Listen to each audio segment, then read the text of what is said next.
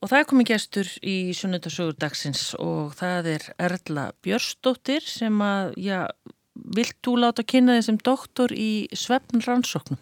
Er það titillin? Já, ég er doktor í líf- og læknavísundum og sálfræðingur en það er oft svona einfaldara að segja bara doktor í svefnrannsóknum því það er auðvitað það sem að mitt doktorsnám snýrist um og það sem ég er að fást við í dag. Já, og svo ertu náttúrulega bara svo ótrúlega oft í alls konar viðtölum um svefnin að fólk tengir þið bara þar.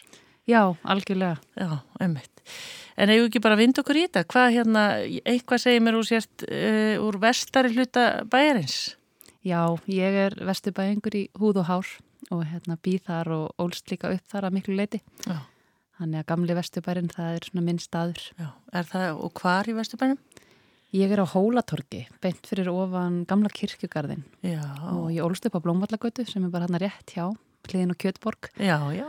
Og hérna þetta er bara mitt uppáhaldssvæði. Kirkjugarðin er eitt fallegasti staður uh, bara á Íslandi að mínu mati og rosalega romantískur og ég fer mikið þangað og við hjónin förum oft bara á lítið stefnumót út í kirkjugarði. En krútlegt, já. Ekkert svona uh, dimt og drungalegt eða? Nei, mér það ekki. Mér finnst það svo friðsæll og fallegur. Ég leik mér mikið aðeins sem bann og núna finnst mér aðeinslegt að taka göngutúr og aðeins bara svona hlaða batteríin og fá mig sæti þarna inn í gardinum. Já, ummitt. Eh, Erla, hvenar, hérna, hvaða ár gerð ertu? Hvernig ertu fætt? Ég er fætt 1982 í Já. júli. Já, og úr stórum sískinahópi eða? Já, ég er yngst fjóra sískina, eina sýstur og tvo bræður. Já. Þannig að þetta var bara stór og fín hópur. Já, og hefur komist upp með það að vera yngst og kannski frekust? Já, mér er sagt það auðvitað að ég sé langt ekruðust og, og frekust en ég er ekkit endilega til í að samþykja það. Nei, emmitt. Eh, Fóreldræðinir, hver eru það? Þeirri fóreldræð mínir eru Anna Sigurveg Ólafsdóttir, hjúgrunafræðingur og Björn Magnússon Læknir. Já. Þannig að ég er alveg upp af helbriði starfsfólki já, já. og það lág svona, ég er endar ein af mínum sískinum sem að fór svona í þá átt en það lág alltaf svona beint við að ég ætlaði þangað og ég stemdi lengi að læknisfræði eða geðlækningum en svo var það sálfræðin sem á endanum heitlaði mig. Já, ummitt. Og hvernig stelpa var Erla? Varstu fjörkálfur? Já, ég var rosalega uppáttækjasum og hérna fjörug og skapandi. Ég var alltaf að búa til einhverja hluti og selja og hérna ég bjóð hérna rétt hjá ellheimilinu grund og ég var sífælt með einhverja viðburði þar. Ég var með upplestra fyrir skamla fólkið einu sinni vikur minni eigin skáldsögu og samt í ljóð sem ég seldi fólkinu og bakaði kökur og var með basar og hérna fekk gamalt nammi í Kjötborg sem ég stopnaði mín eigin sjóppu þeim til samkeppnis og fleira. Þannig að ég var sífælt að taka upp á einhverjum svona skemmtilegum hugmyndum. Já, og svona kannski ykkur við, viðskiptamókull í þér? Já, það var það uh, lengi vel og hérna svo svona fór ég svolítið bara í háskólanám og þetta svona dóaðins í mér sko en svo stopna ég fyrirtæki mitt og er líka í dag að selja dagbækur og annað þannig að það er mjög stutt í svona viðskiptamókulun í mér og mér finnst mjög gaman að skapa og selja og það á líka mjög vel við mig. Já, þannig að þeir sem eru að hlusta og kannski muna eftir litlustelpunni og, og þú varst, varst, var þetta svona eins og tombóla eða svo leiðis? Já, tombólur og litlar búðir og viðburðir og leiksýningar og bara hvað eina sko. Já, ummitt. Og var það svo bara hefðbundið Vestubæjar? Hvað eru það að segja? Melaskóli, Hagaskóli? Nei, ég er sko, hérna, ég er 101 megin við Ringbröð, þannig að það er Vestubæjaskóli. Það er Vestubæjaskóli, já. já. Og er svolítið dríur hann á milli? Já, maður fór ekkert mikið yfir í 107 sko. Þannig að hérna, Nei. og öll mín börn í dag eru í Vestubæjaskólanum og hérna, ég er algjör káringur. En reyndar þegar ég er að byrja í Gaggo og þá flytja fólkdra minnir í Mósilsbæ Já. og ég var ekki droslega sátt við það Nei. en ég var þar í 8. og 9. bekk og leið bara mjög vel þar og svo uh, förum við austur ne til Neskjöpstaðar. Pappa var bóðið starf þar og það fjall alls ekki góðan jarðveg hjá 14 ára úlengnum að flytja austur. Ég var að fulla í fimmleikum, æfiði fimmleika sexin með viku í ármanni og, og vildi bara alls ekki rífa mig upp frá mínum vinnum og fara í smábæði út á landi. Hann hafa mikill mótþrófi og ég reynda að semja við fólkdra mína, ég geti fengið að búa í ömmu og afa og allt þetta en hérna, þau hlustuðu á það. Þannig að ég fór austur sem betur fer og var þar í tíundabekk og var mjög fljóta aðlæðast lífinu fyrir austan. Egnaðist bara frábæra vini og var rosalega vel tekið að samfélaginu þar. Þannig ég klára minn gagfræðiskóla þar og fyrir svo norður á Akureyri í mentaskólan þar. Já, það segja sem er sko að það sé að vera að kippa börnunum eða úlingunum út úr þessum skóla og fara í annan að það sé ekki svo gott en það eru kostin við þetta.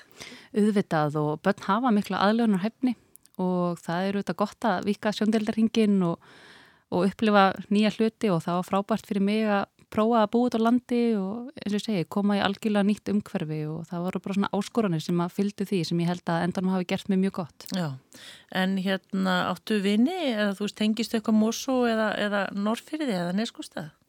Já, já, algjörlega. Uh, ég á alveg svona kunningjakonur úr Mosó. Ég kannski festi svona minnst rætur þar að því ég var ekkert lengi þar.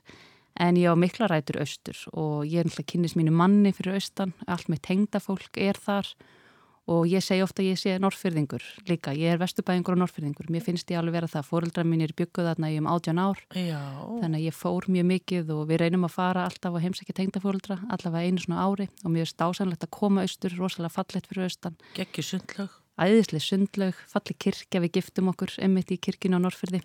Þannig að hérna hann er skupstaðar á og Ísturlandi bara allt á mjög stóran hlut í mínu hjarta. Já, þannig að þegar þú ert í mennskólum á Akureyri þá, þegar þú ferð heim þá fóstu þangað. Já, þá fór ég þangað. Já. En varstu þá, hinsískinniðin, voru þau farin að heiman eða á þessum tíma þegar flytið austur? Já, sko, eldsta sýsti mín, hún var farin að heiman og bara flutt til útlanda en við hinn, þrjú, bræðið mínir og ég, við fylgdum austur. Já. Þannig að, já. já. En mentaskóla árin, hvernig er að fara svo bara eitthvað neyð? Það er aldrei stökk, er það ekki? Jú, ég fór á heimavist í MA og það var ótrúlega skemmtilegt, frábært að prófa að búa á vistinni og MA er frábær skóli, mjög svona hefðbundinn og, og hérna bekkakerfi og ég og bara mína bestu vinkunur frá MA árunum þannig að það var alveg frábært að upplifa þennan tíma. Ég var þarna í tvö ár og svo fór ég eitt ár sem skiptinni með til Mexiko og laug síðan mentaskólanum þegar ég kom tilbaka. Og það var mjög stór svona vendilpunktur í mínu lífi myndi ég segja að fara til Mexiko Já, ég trúi því. Tungumálið og allt, var þetta ekki alveg svakalega framandi? Jú, þetta var mjög framandi og hérna bæðu þetta, ég talaði enga spænsku og fólki sem ég bjó hjá talaði enga ensku þannig að það var þetta mikil áskorun og þetta var mjög katholsk fjölskylda gríðala ströng og mikla reglur sem að ég var ekki vön að þurfa að fylgja, bara búin að búa einu á vistinni í tvö ár og hérna frekar frjáls og þannig að það var sérstakt og ég líka var með útlitt sem að skar við það sem að er þarna ljóst sítt hár og maður varð fyrir áreiti líka bara í skólanum og á götum úti og það var ekki þá, var ég ekki í samskiptum við fóreldra mína, voru ekki samfélagsmiðlar. Þar sem ég bjó var korki talvan í þvóttavél á heimilinu, þetta var mjög frumstæðar aðstæður. Við þóðum þóttun okkar bara út í gardi á þvottabrettum og hann að mér var algjörlega kift eh, inn í allt annað umhverfi og svolítið niður á jörðina. Og fóreldra mín segja oft við mig að hérna, þau hefur aldrei fengið að falleg bref frá mér eins og því ég var aðna úti að því að ég lærði svo vel að meta það sem ég átti Já. og hvað ég bjófi góðar aðstæður og hvað Ísland var frábært og ég held í rauninni að þetta sé eitt af því sem hafi móta mig hvað mest. Og það kom alveg ljós þegar ég kom heim frá Mexiko, ég var svolítið villingur hérna á mínum úlingsárum en þegar ég kom heim að þá uh, var ég miklu róleri, ég laði miklu meiri rætt við námið, alla mínir engunir fóru mjög upp á við, þetta styrti samband með fóreldra mína og fleira. Þannig ég held þetta hafi gert mér bara óbáslega gott. Já, en hvað hérna, hvar varst í Mexiko? Ég var í borgar sem heitir Querétaro og er svona í miðju Mexiko um þrjá tíma frá Mexiko borg og ég ferðaðist mikið um, um Mexiko og átti dásamlega fjölskyldu, var þar í líka stórum sískinuhópi og ég held ennþá góðu sambandi við fjölskyldunum mína þarna úti og sýsti mín úti komið heimsótti mig til Íslands og vinkona mín hefur komið líka til mín. Ég verð endar ekki farið ennþá aftur sjálf en langar það mjög mikið að fara með mína fjölskyldu eitt daginn hann út. Já, og það er hérna, það þarf hugur ekki til þess að gera svona og það er eins og þú segir, þú, þú set sko kottnungarla, þá er þetta samt á þeim tíma sem að eins og þú segir, þú ert ekki að skæpa eða messenger eða neitt slíkt. Nei. Það eru bara sendibrifin og síntöl. Já, það voru sendibrifin og það var eitt fimminútna símtál í mánuði við mamma og pappa. Já. Það var ekkert meira og sendibrifin voru rosalega lengi að berast og ég man svo vel eftir því að þegar maður var að koma heim úr skólanum, ég kíkti í postkassunum hverjum einasta degi og bara gleðin þegar kom sending frá Íslandi. Mart skilaði sér aldrei, týndist á leiðin en þegar maður fekk Íslandsnami og handskrifi bref og þetta á ég og er mér auðvitað ofbáðslega dýrmætt. Já, Já, ég hérna var auðvitað reybrennandi í henni en svo svona fjararæðis undan eins og verða vill en ég var alveg fundið það þegar ég ferðast til spánar og þegar ég horfa á spænst sjómasefni og annað að það er mjög stutt í spænskuna og ég get alveg bjarga mér og ég held að ef ég myndi dvelja í smá tíma úti að þá væri þetta mjög fljótt að koma bara alveg. Já, hvað með þín eigin börn, er þetta eitthvað sem er á stefnskráni að þau vilji fara sem skiptinimar eða eru þau svo unga þau eru ekkert byrjað að pæli í því? Sko, elsti sónu minn er að vera 17 á sama aldri þó þegar ég var að fara og mér bara hillir við þessu. Já. Ég hérna dáist að hugra ekki fóreldra minna að senda mig til Mexiko á þessum árum. Sýsti mín fótti Bólivíu líka, 11 árum á undan mér, það sem að það var kannski ennþá sjálfgefara að vera að fara. Og hérna þau hafa nú ekki endilega verið með þessa sömu ævintýra þrá og ég hafði þarna. Eh, Þannig að ég veit það ekki, ég fæ alveg smá stingi í hjartað að hugsa til þess að þau færu út í ár. Já, það er svona, maður er dalti líka af því að maður er endalust í sambandi við sitt fólk með eh, samskiptamáta nútímans. Algjörlega, og þetta eru auðvitað öðruvísi í dag en ég myndi ekkit aftra þeim ef þau myndi vilja það af því að ég þekki það bara sjálf hvað þetta gerir manni ótrúlega gott og þetta stækkar svo rosalega bara heiminn manns. Já, þannig að þú kemur heim og er þá, það er nú stundum talað um það þegar maður fer svona skiptinu með þá dettur af því bekkakerfi, er það ekki hjá Emma, var það ekkit erfitt að vera þá einu ára eftir eða? Nei, raunin ekki, því þar dett ég inn í svo frábæran bekk. Við vorum, eh, þetta var oft kallaði stelpubekkurinn, við vorum eiginlega bara stelpur, voru þannig að tveið því strákar með okkur og þar verður bara svo rosalega þjætt vináta og við erum bara allar rosalega góðar vinkonur enn þann daginn í dag og ég hefði bara aldrei viljað útskrifast með öðrum árgangi heldur en akkurat þeim. Þannig að það er, ég er líka þakklátt fyrir að hafa farið út, einmitt út af þessu. Já, emmitt, þannig að hérna, ekkit sem situr í þér að hafa hérna, ekki verið með þínum jafnöldrum. Nei, alls ekki. Nei. Hvað hérna, hvert leitaði hugurinn, Erla? Þú segir að þegar þú kemur heima þá svona tókstuði taki og hafði kannski verið ekki alveg búin að finna útrúsuð þegar þú varst áður þú fórst, en hvað svona langaði þið að gera? Ég mér langaði að starfa með fólki, ég vissi það alltaf og hérna mér langaði eins og ég segi lengi vel í læknisfræðina en svo fór ég að hafa meiri áhuga á svona geðlæknisfræðum, sálfræði og þessum þáttum og hérna og bara því ég fór í svona áhuga sviðspróf eins og voru algenga þá var þetta sem að kom allstaðar sterkast fram hjá mér félagsrákjöf, sálfræði og annað. Og ég fann það bara leið og ég byrjaði síðan í háskólanum í sálfræðinni að ég var algjörlega á réttri hillu og hef aldrei efast um það val. Það var Nei. bara akkurat það sem ég, ég, ég er forvitin eðlisfæri og ég hef mjög ginn áhuga á fólki. Mér er gaman að spyrja spurninga og spjalla við fólk og heyra sögur fólks. Og ég held að það sé mikilvægt veganægsti líka í þessu starfi Um, og hafi kannski leitt mér svolítið á þessa braut Já, og sálfræðin er þannig er það ekki að þú klárar fyrst uh, BS gráðu og svo verður að fara í áframhald til þess að geta starfa sem sálfræðingur, er það ekki þannig? Jú, ég tók sérst BS-gráðuna hérna heima í Háskóla Íslands og fór sérst í Danmerkur uh, í Háskólinni Árusum, tek þar mitt uh, mastersnám eða kant-signám og svo tek ég doktorsnámið mitt aftur hérna við Læknatild Háskóla Íslands í svona samstarfi við Háskólinni í Pennsylvania. Já, já, og þannig að, og ert búin að starfa sem sálfræðingur alla tíð síðan eða hvað? Já, og í raun og vera líka meðan ég var í doktorsnáminu mínu þá var ég líka að starfa á stofu sem sálfræðingur því þá er ég komið með þetta kant-sig-próf frá Danmörku. Já, ömmit. Uh, við erum búin að nefna fjölskylduna þína, börnið þín aðeins, en segð okkur nú, hver er maðurinn þinn? Já, maðurinn minn er Haldan Steinforsson og hann er norrfyrðingur í húð og hár og ég kynnist honum bara fljótlega eftir ég kem heim frá Mexiko og við kynnumst bara austur á Neskupstaði Hótel Egilsbúð sem er aðal staðurinn á Norrfyrði. Var bara ball? Það var svona einhver gleði þarna og þetta var bara ást við fyrstu sín. Það var mjög magnað augnablík. Við bara litum á hvort annað og vorum farin að haldast í hendur fimm minútum setna. Já. Án þess nánast að tala saman og hérna svo fylgdi hann mér heim og þá kom ég ljósa fóreldrar okkar byggu sitt hverju með yfir göduna. Þannig að hann gati raun og verið séð mig út um eldúsgluggan. En hafðu þið aldrei ekkit fram að þeim tíma? Nei, við höfðum nefnilega aldrei hist vegna þess að hann hafði búið í Reykjavík og hann hafði búið í London og svo var ég í Mexiko þannig að okkar leiðir höfðu aldrei leiðið saman þrátt fyrir að fóreldrar okkar skildi búið þarna móti hvort öðru sem var auðvitað mjög sérstakt. Og þau þekktust? Já, já, þau þekktust og allir vissu hver Haldan var Já. en hérna ég, eins og segja, hafði aldrei, aldrei séð hennan strák áður en Og svipum aldrei eða? já, hann er sex árum eldri en ég, Já, fimm og halvu vill hann nú segja, en, Já. en það eru sex ár, já, á millakar. einmitt. Og það er hann að þið haldist í hendur hann í Eilsbúð og, og bara síðan þá? Já, bara búið að vera byllandi ást og hamingja síðan þá og ég er alveg ótrúlega vel gift og hérna við eigum rosalega vel saman, við erum líka mörguleiti en, en líka ólík, við erum bæði svolítið kvatvís og hugmyndarík og hérna, framkvæmda glöð þannig að það er oft mikið að gera hjá okkur og hérna, ef okkur dettur eitthvað sniðut í huga þá er hitt mjög fljótt að bakka það upp sko, þannig að hérna, það er sjaldan döð stund en þannig viljum við hafa það Já. og það er bara ótrúlega skemmtilegt Og hvað er hann að gera þarna á þessum áru þegar þið kynist? Er hann þá í, að því þá er þú í MA?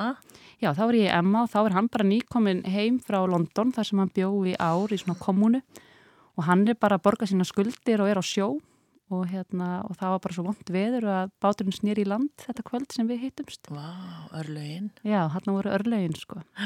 Þannig að svo flytur hann uh, til Reykjavíkur og ég er á Akureyri, hann er verið í fjárbúð fyrstu árin og þá byrjar hann svona í sínum sjónvarsferli. Hann stýrði djúbulöginni sem var svona mjög vinsall þáttur á þessum tíma.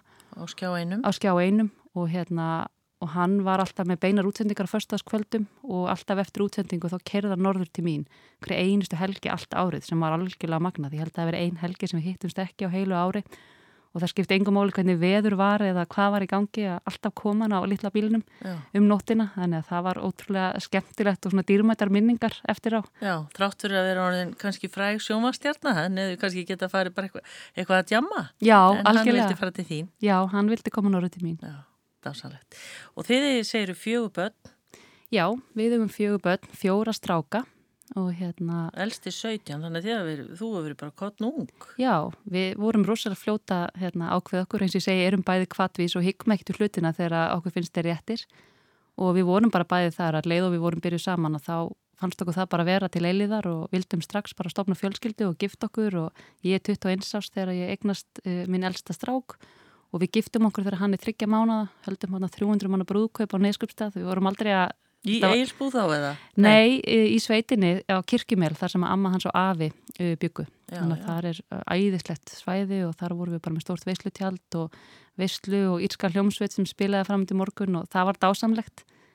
Og það er líka svolítið skemmtild að segja frá því að sko þegar við erum nýbúin að kynnast við erum búin að vera saman bara í þrjá mánuði að þá Uh, einn morgunin þegar ég vakna heima í haldanu og kem fram að þá sé ég alltaf skóna frá bróðum mínum í enganginum heima hjá hann og ég skildi ekki hvað þeir var að gera þarna Og, og þekktur þú skóna strax? Ég þekkti skóna strax sko, fannst þetta eitthvað skríti en þá sem sagt uh, hann, hafði hann verið að hitta sýstir haldáns og þau byrjuð þannig saman og við vorum ekkert rosalega sáttu þetta í upphafi. Fannst þetta ekki góð hugmynd að þau verið farin að ruggla saman reytum að það geti kannski haft einhver áhrif á okkar samband ef við myndi ekki ganga vel og annað en þau eru hjón í dag og þau að þrjár stelpur. Og við vorum eiginlega alltaf ófrískar saman af börnunum okkar. Og hérna, þannig að okkar börn er í rauninni genatíst eins og sískinni Já, þannig að þetta er alveg hérna, ótrúlega magna. Ég fæ alveg gæsa húð, þetta Já, er fallið og þetta er sérst eldri bróðu þinn Já. og þá yngri sýstir hans eða? Nei, eldri sýstir hans líka þannig hann á bara eina sýstur þannig að þau sýstkinin eiga bara eina tengda fjölskyldu. Já, hérna. Þannig að þetta er óbúslega fallegt og skemmtilegt. Þannig að þið eru bara að gera allt sama þegar stór fjölskyldan hittist. Já, það er svolítið svoleið sko og börnin okkar eru þetta óbúslega náinn og þannig að þetta er bara dásamlegt í dag að þetta skulle vera svona. Já, frábært.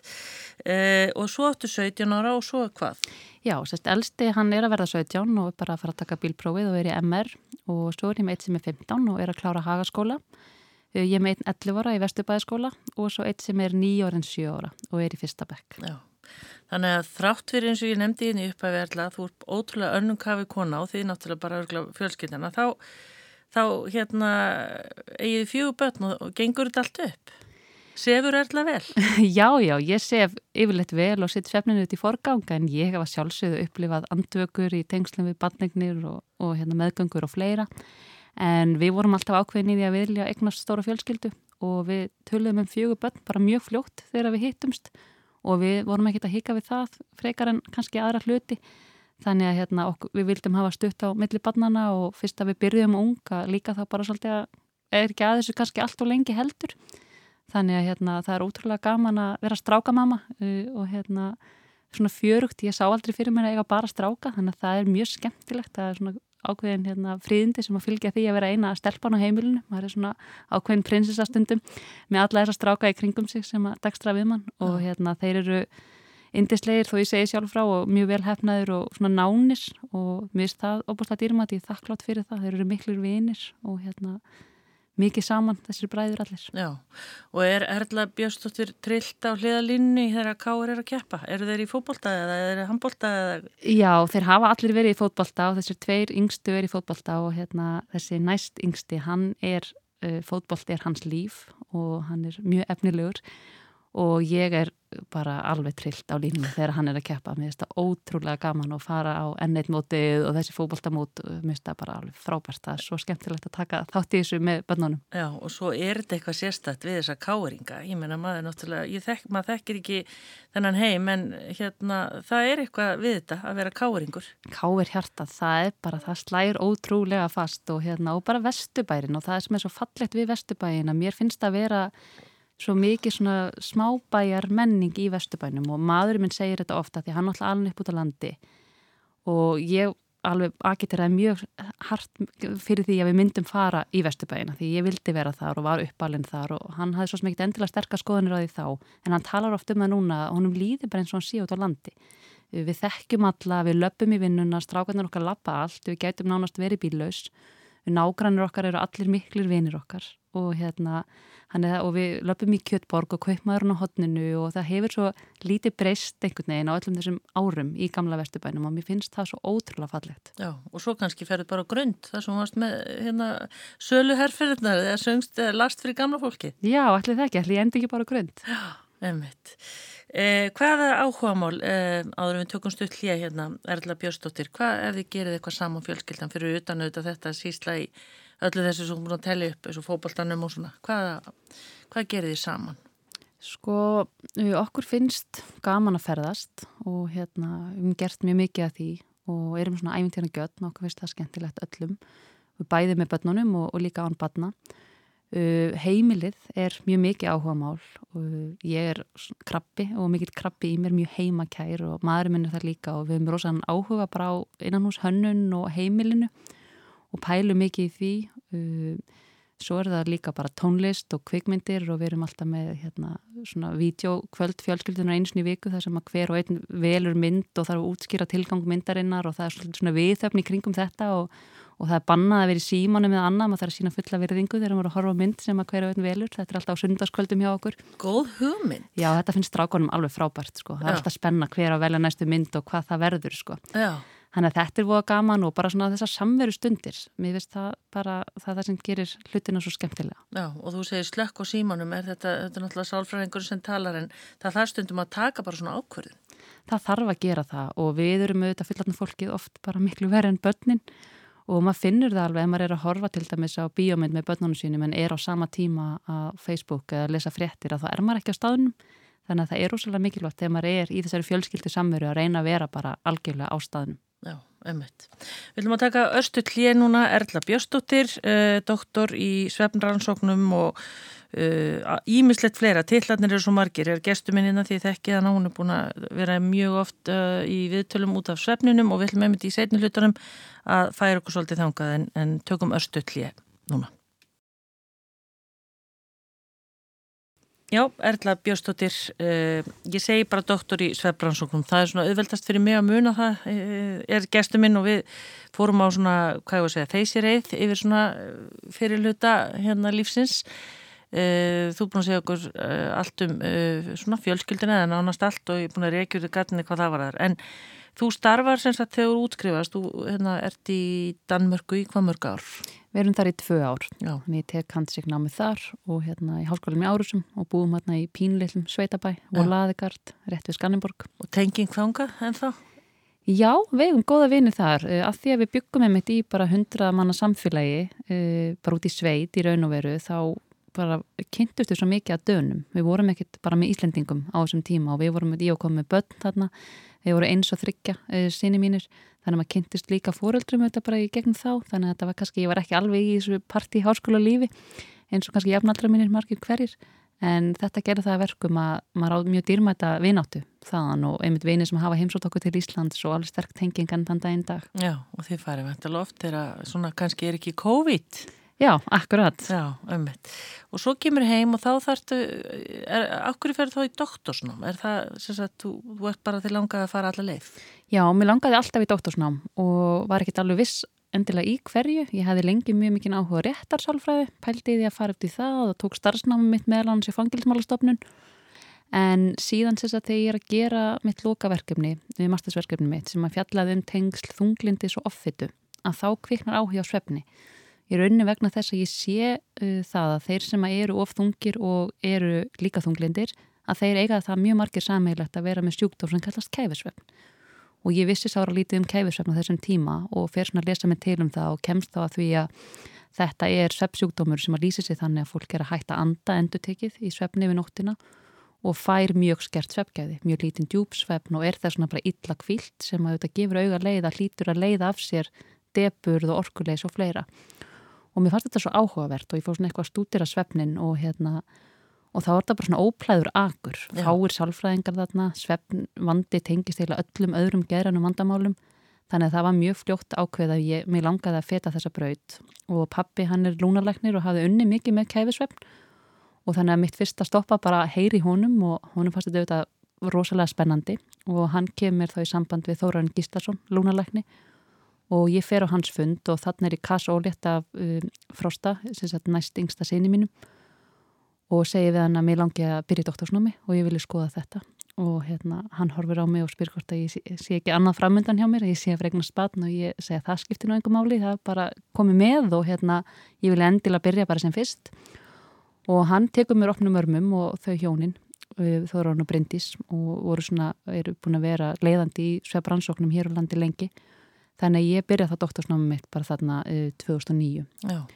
og er þá við Læknindelt Háskóla Íslands og er í samstarfi við Háskóli í Pennsylvania, fer þangað út meðal annars og þar fer ég að fá svona áhuga á svefnleysi líka og svona hugrætna atferðismeðferð við svefnleysi. Og mér fannst mjög áhugavert að skoða okkur Íslandinga að því að við sofum lítið og við notum ofbáslega mikið af svefnlivjum við miklu meira heldur en gengur og gerist hjá öðrum þjóðum og það er mjög lítið aðgengi að hugrætni atverðismeðferð sem er svona livjalaus meðferð úr sefleysi og ef maður skoða bara klíniska leiðbenningar alþjóð heilbriðistofnunin þá er alltaf mælt með þessari meðferð ef fólk glýmir úr sefleysi en við erum ekki að vinna samkvæmt þessu. Nei. þannig einu á heilsugjastlu að þá yfirleitt er seflif lausnin. Og ég fann strax að ég brann fyrir þetta og mér langaði að gera eitthvað þarna. Já, en 2009 maður hefði myndið að hugsa sko uh, bara sjálfur þegar maður var lítill það var bara, þú fara bara að sofa, sofa það var alltaf að tala bara um svefnin eins og þetta væri bara eins og bara uh, daglegt eitthvað, eitthvað rútina, það var ekkert neginn aldrei verið að velta fyrir sér eitthvað uh, hversu mikilvægur svefni var. Nei, ég uppliði það þannig. Algjörlega og að byrja stæra sig á því að sofa lítið, það sé einhvern veginn bara tengt dugnaði og atorku að komast upp með lítinn svefn oft höfum við líka neikvægt um svefnin. Og þú veist ég var að fara að sofa eins og Já. það sé einhver kvöð. Og þetta fannst mér allt líka mjög áhugavert. Og mér fannst það mjög spennandi því ég var að byrja í doktorsnáminu og þá náttúrulega held ég mér úti að lesa rannsóknir og allt sem til var um svefn. Og þá komst ég að því hvað var lítið aðgengilegt efni til á íslenskum svefn, bara nánast ekkert. Og mér fannst það svo merkilegt að því að við erum að sofa 30 ára æð okkar, þetta er þriðjöngur lífsins, þetta er algjör grunnur fyrir alla helsu en við eigum ekkert efni um þetta og þá ákvæði strax að ég, mér langaði að gefa út bók um svefn fyrir almenning og ég byrjaði að skrifa hana í doktorsnáminu held að ég myndi gera það á einu ári tók, bara já, já, það var ekki svo sko. það tók mörg ár og hérna, hún kom ekki út fyrir 2017 Hvað heitir hún? Hún heitir bara Svefn Já. og hún er skrifið um bara svefn og svefn sjúkdóma á bara svona aðgengilegu mannamáli, leiðir til úrlösna og það bara svona aðgengilegt efni á íslensku sem ég fannst vanta. Þarna var ég bara að reyna að koma allir minni þekkingu saman og þeim rannsóknum sem ég þekkti til niður á blað og gaf þetta út með forlæginu þannig að það var bara ótrúlega skemmtilegt. Og ég fann það líka strax að þegar ég var í doktorsnáminu að mér langaði að miðla minni þekkingu áfram. Og þess vegna hef ég verið duglega að mæta til fjölmiðla og ræðum svefn og skrifa greinar og blogg og annað af því að staðrindin er svo að það tekur vísindarlega þekkingu oft mjög langan tíma að skila sér til almennings. Og oft eru vísindamenn kannski að tala of mikið bara við aðra vísindamenn. Já. og við þurfum að segja frá hlutum og einfaldan hátt og fræða almenning. Og mér finnst það rosalega mikilvægt. Og ég var ótrúlega stolt af því að þegar ég var í doktorsnamuna þá var ég valin ungur vísindamæður ásins hjá landsbytilanum og það var einmitt eiginlega vegna þess að þá strax uh, var ég að fara að vekja aðtekli fyrir það að ná að miðla minni þekkingu áfram og, hérna, og það skipti mig mjög miklu máli að gera það og ég held að við þurfum að vera duglega að því og það er auðvitað frábært að sjá þá vitundavakningu sem hefur orðið bara í samfélaginu á mikilvægi sveps og til dæmis bara bókina Smáþjó Volker sem kom út í íslensku þýðingu í fyrra þess vegna sofi við, hún gerði kraftaverk líka. Einmitt. Og við eigum bara frábært vísindafólk á Íslandi í svefnrannsóknum. Í háskólinum í Reykjavík eh, er svefnsetur, rannsóknasetur, þar sem að frábæri vísindamenn eru við störf sem hafa hlotið gríðarlega stóra styrki til að sinna sínum rannsóknum og verum á heimsmæli hvaða íslendingar þegar kemur að rannsóknum á svefni. Já. En samt eru við að standa okkur illa í samanburðunum þar að segja allt og mikið af sveflifum á Íslandi. Já, það er nefnilega málið. Þetta er þversögn kannski? Þetta er algjörð þversögn í rauninni með að við hverjum standa okkur vil í vísindunum að þá eru við ekki að sjá það sama í raunveruleikanum og það er kannski líka því að ég hef tekið eftir í síðustu ára það er orðið mjög svona aukin vakning fyrir mikilvægi sveps. Fólk er meðvitaði með þetta, skiptir máli, sérstaklega bara núna síðustu tvö árin En því miður og þá erum við ekki að sjá endilega vennjunar okkar sé að batna á sama tíma. Við sjáum það að það er enþá stór hluti fólk sem að sefur hættulega lítið. Bönn og úlingar, rannsókn og greining skoðar þeirra svefn árlega og við sjáum að það helst bara í stað. Þau eru mörg fyrir því miður að sofa allt og lítið og svefli við nótgun, hún er að aukast verulega hjá bönnum sem er mjög mikið ágefni og hérna þannig að við erum enþá að nota allt og mikið af sveflifjum þannig að við þurfum að gera betur til þess að breyta vennjum og ég held að stóra máli sé að auka aðgengi að þeirri meðferð sem að mæltir með að fólk með sveppanda það leitar á heilsugjastlu og þar geti mætt þeim uh, hugran atfæðis meðferð við sveppleysi og þegar ég var í doktorsnáminu mínu að þá kynntist ég tveimur læknum sem að voru líka forreitarar og við kynntumst á læknadögum uh, ráðstefnu þar sem að ég var með erindum sveppn og fórum að ræða eins um þetta. Uh, hversu stort vandamálsvefni væri og hversu margir notuðu sveflif og af hverju við værim ekki að nota þá meðferð sem að mæltir með. Og þá ákvaðum við að stopna betri svefn og sendum, uh, fórum, tókum þátt í gulllegginu sem var svona frumkvöla keppni og þá byggum við til gerfigreind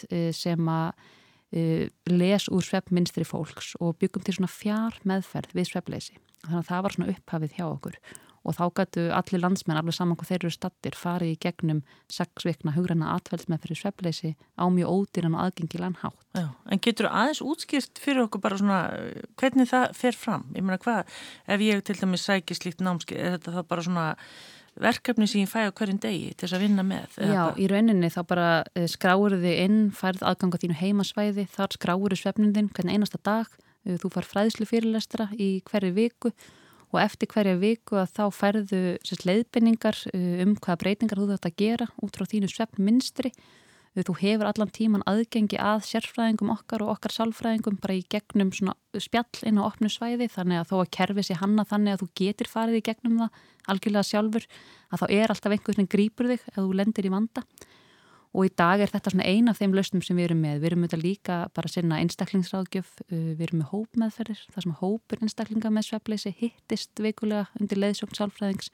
Og það er oft mjög góður stuðningur sem að fær að hitta aðra sem eru að glímaða sama vandamáðan sjálfur og svo erum við líka töluvert í bæði rannsóknum og bara fræðslu um svefn. Við erum mikið að fara í fyrirtæki og skóla og búa til fræðslu efni fengum nýveri styrk frá landleiknisembættinu og landsbankunum til þess að búa til fræðsluefni um svefn grunnskólabatna fyrir kennara.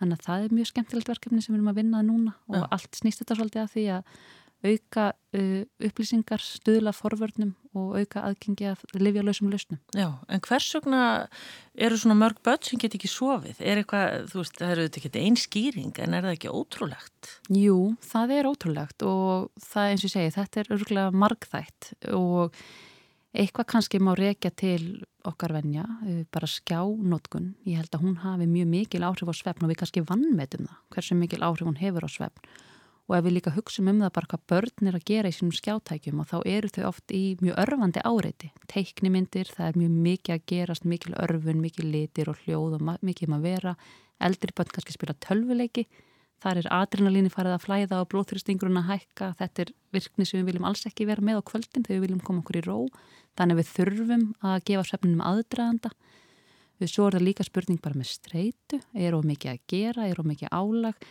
því miður sína suma rannsóknir að sumum börnum líður ekki vel og streyta er svona algeng, kannski sérstaklega hjá úlingum og, og hérna svona andli vannlíðan það þetta hefur áhrif.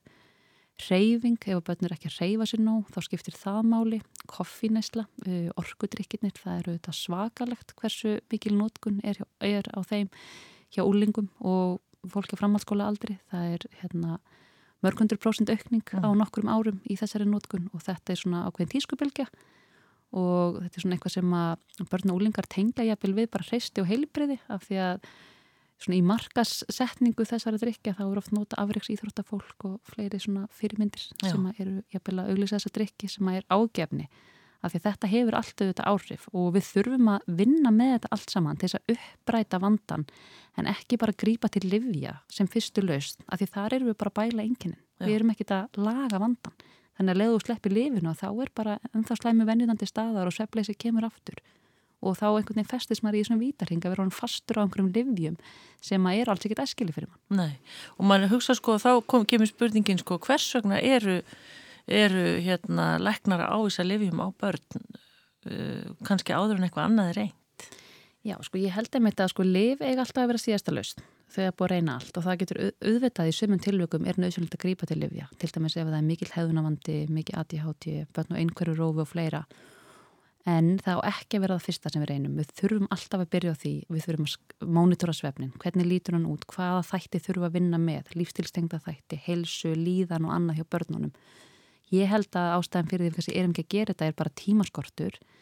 Uh, læknar hafa takmarkan tíma með hverju barn og hverjum foreldri og það er því miður bara takmarkað, takmarku úrræði fyrir börn með svefband á Íslandi. Langir bygglistar, Sálfræði meðferð er ekki niðugreitt ennþá sem eru auðvitað ótrúlegt árið 2021 þannig að við þurfum að standa okkur betur þarna og þetta er meðlannins eitt af því sem við erum að reyna að vinna að það er að koma með nýjar lausnir á úrræðum og, og yngrippum sem eru sérstaklega sniðin að úrlingum á börnum. Já, maður sér erðla þú ert að tala um þetta og þú brennur fyrir þetta algjörlega. Ég geri það og þetta er bara...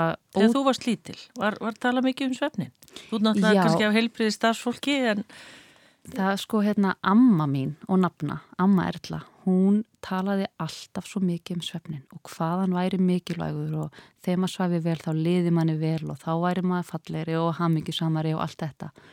Og ég man eftir því þegar maður kom til hennar og hérna þegar ég var komið mín litlu börn og annað heimsóttana, ef henni fannst ég þreytulega þá hún fljóta bara að leggja minni rúm og búa um mig og þú verður að sofa Erla mín. Og hún spurði mig alltaf svo mikið út í þetta.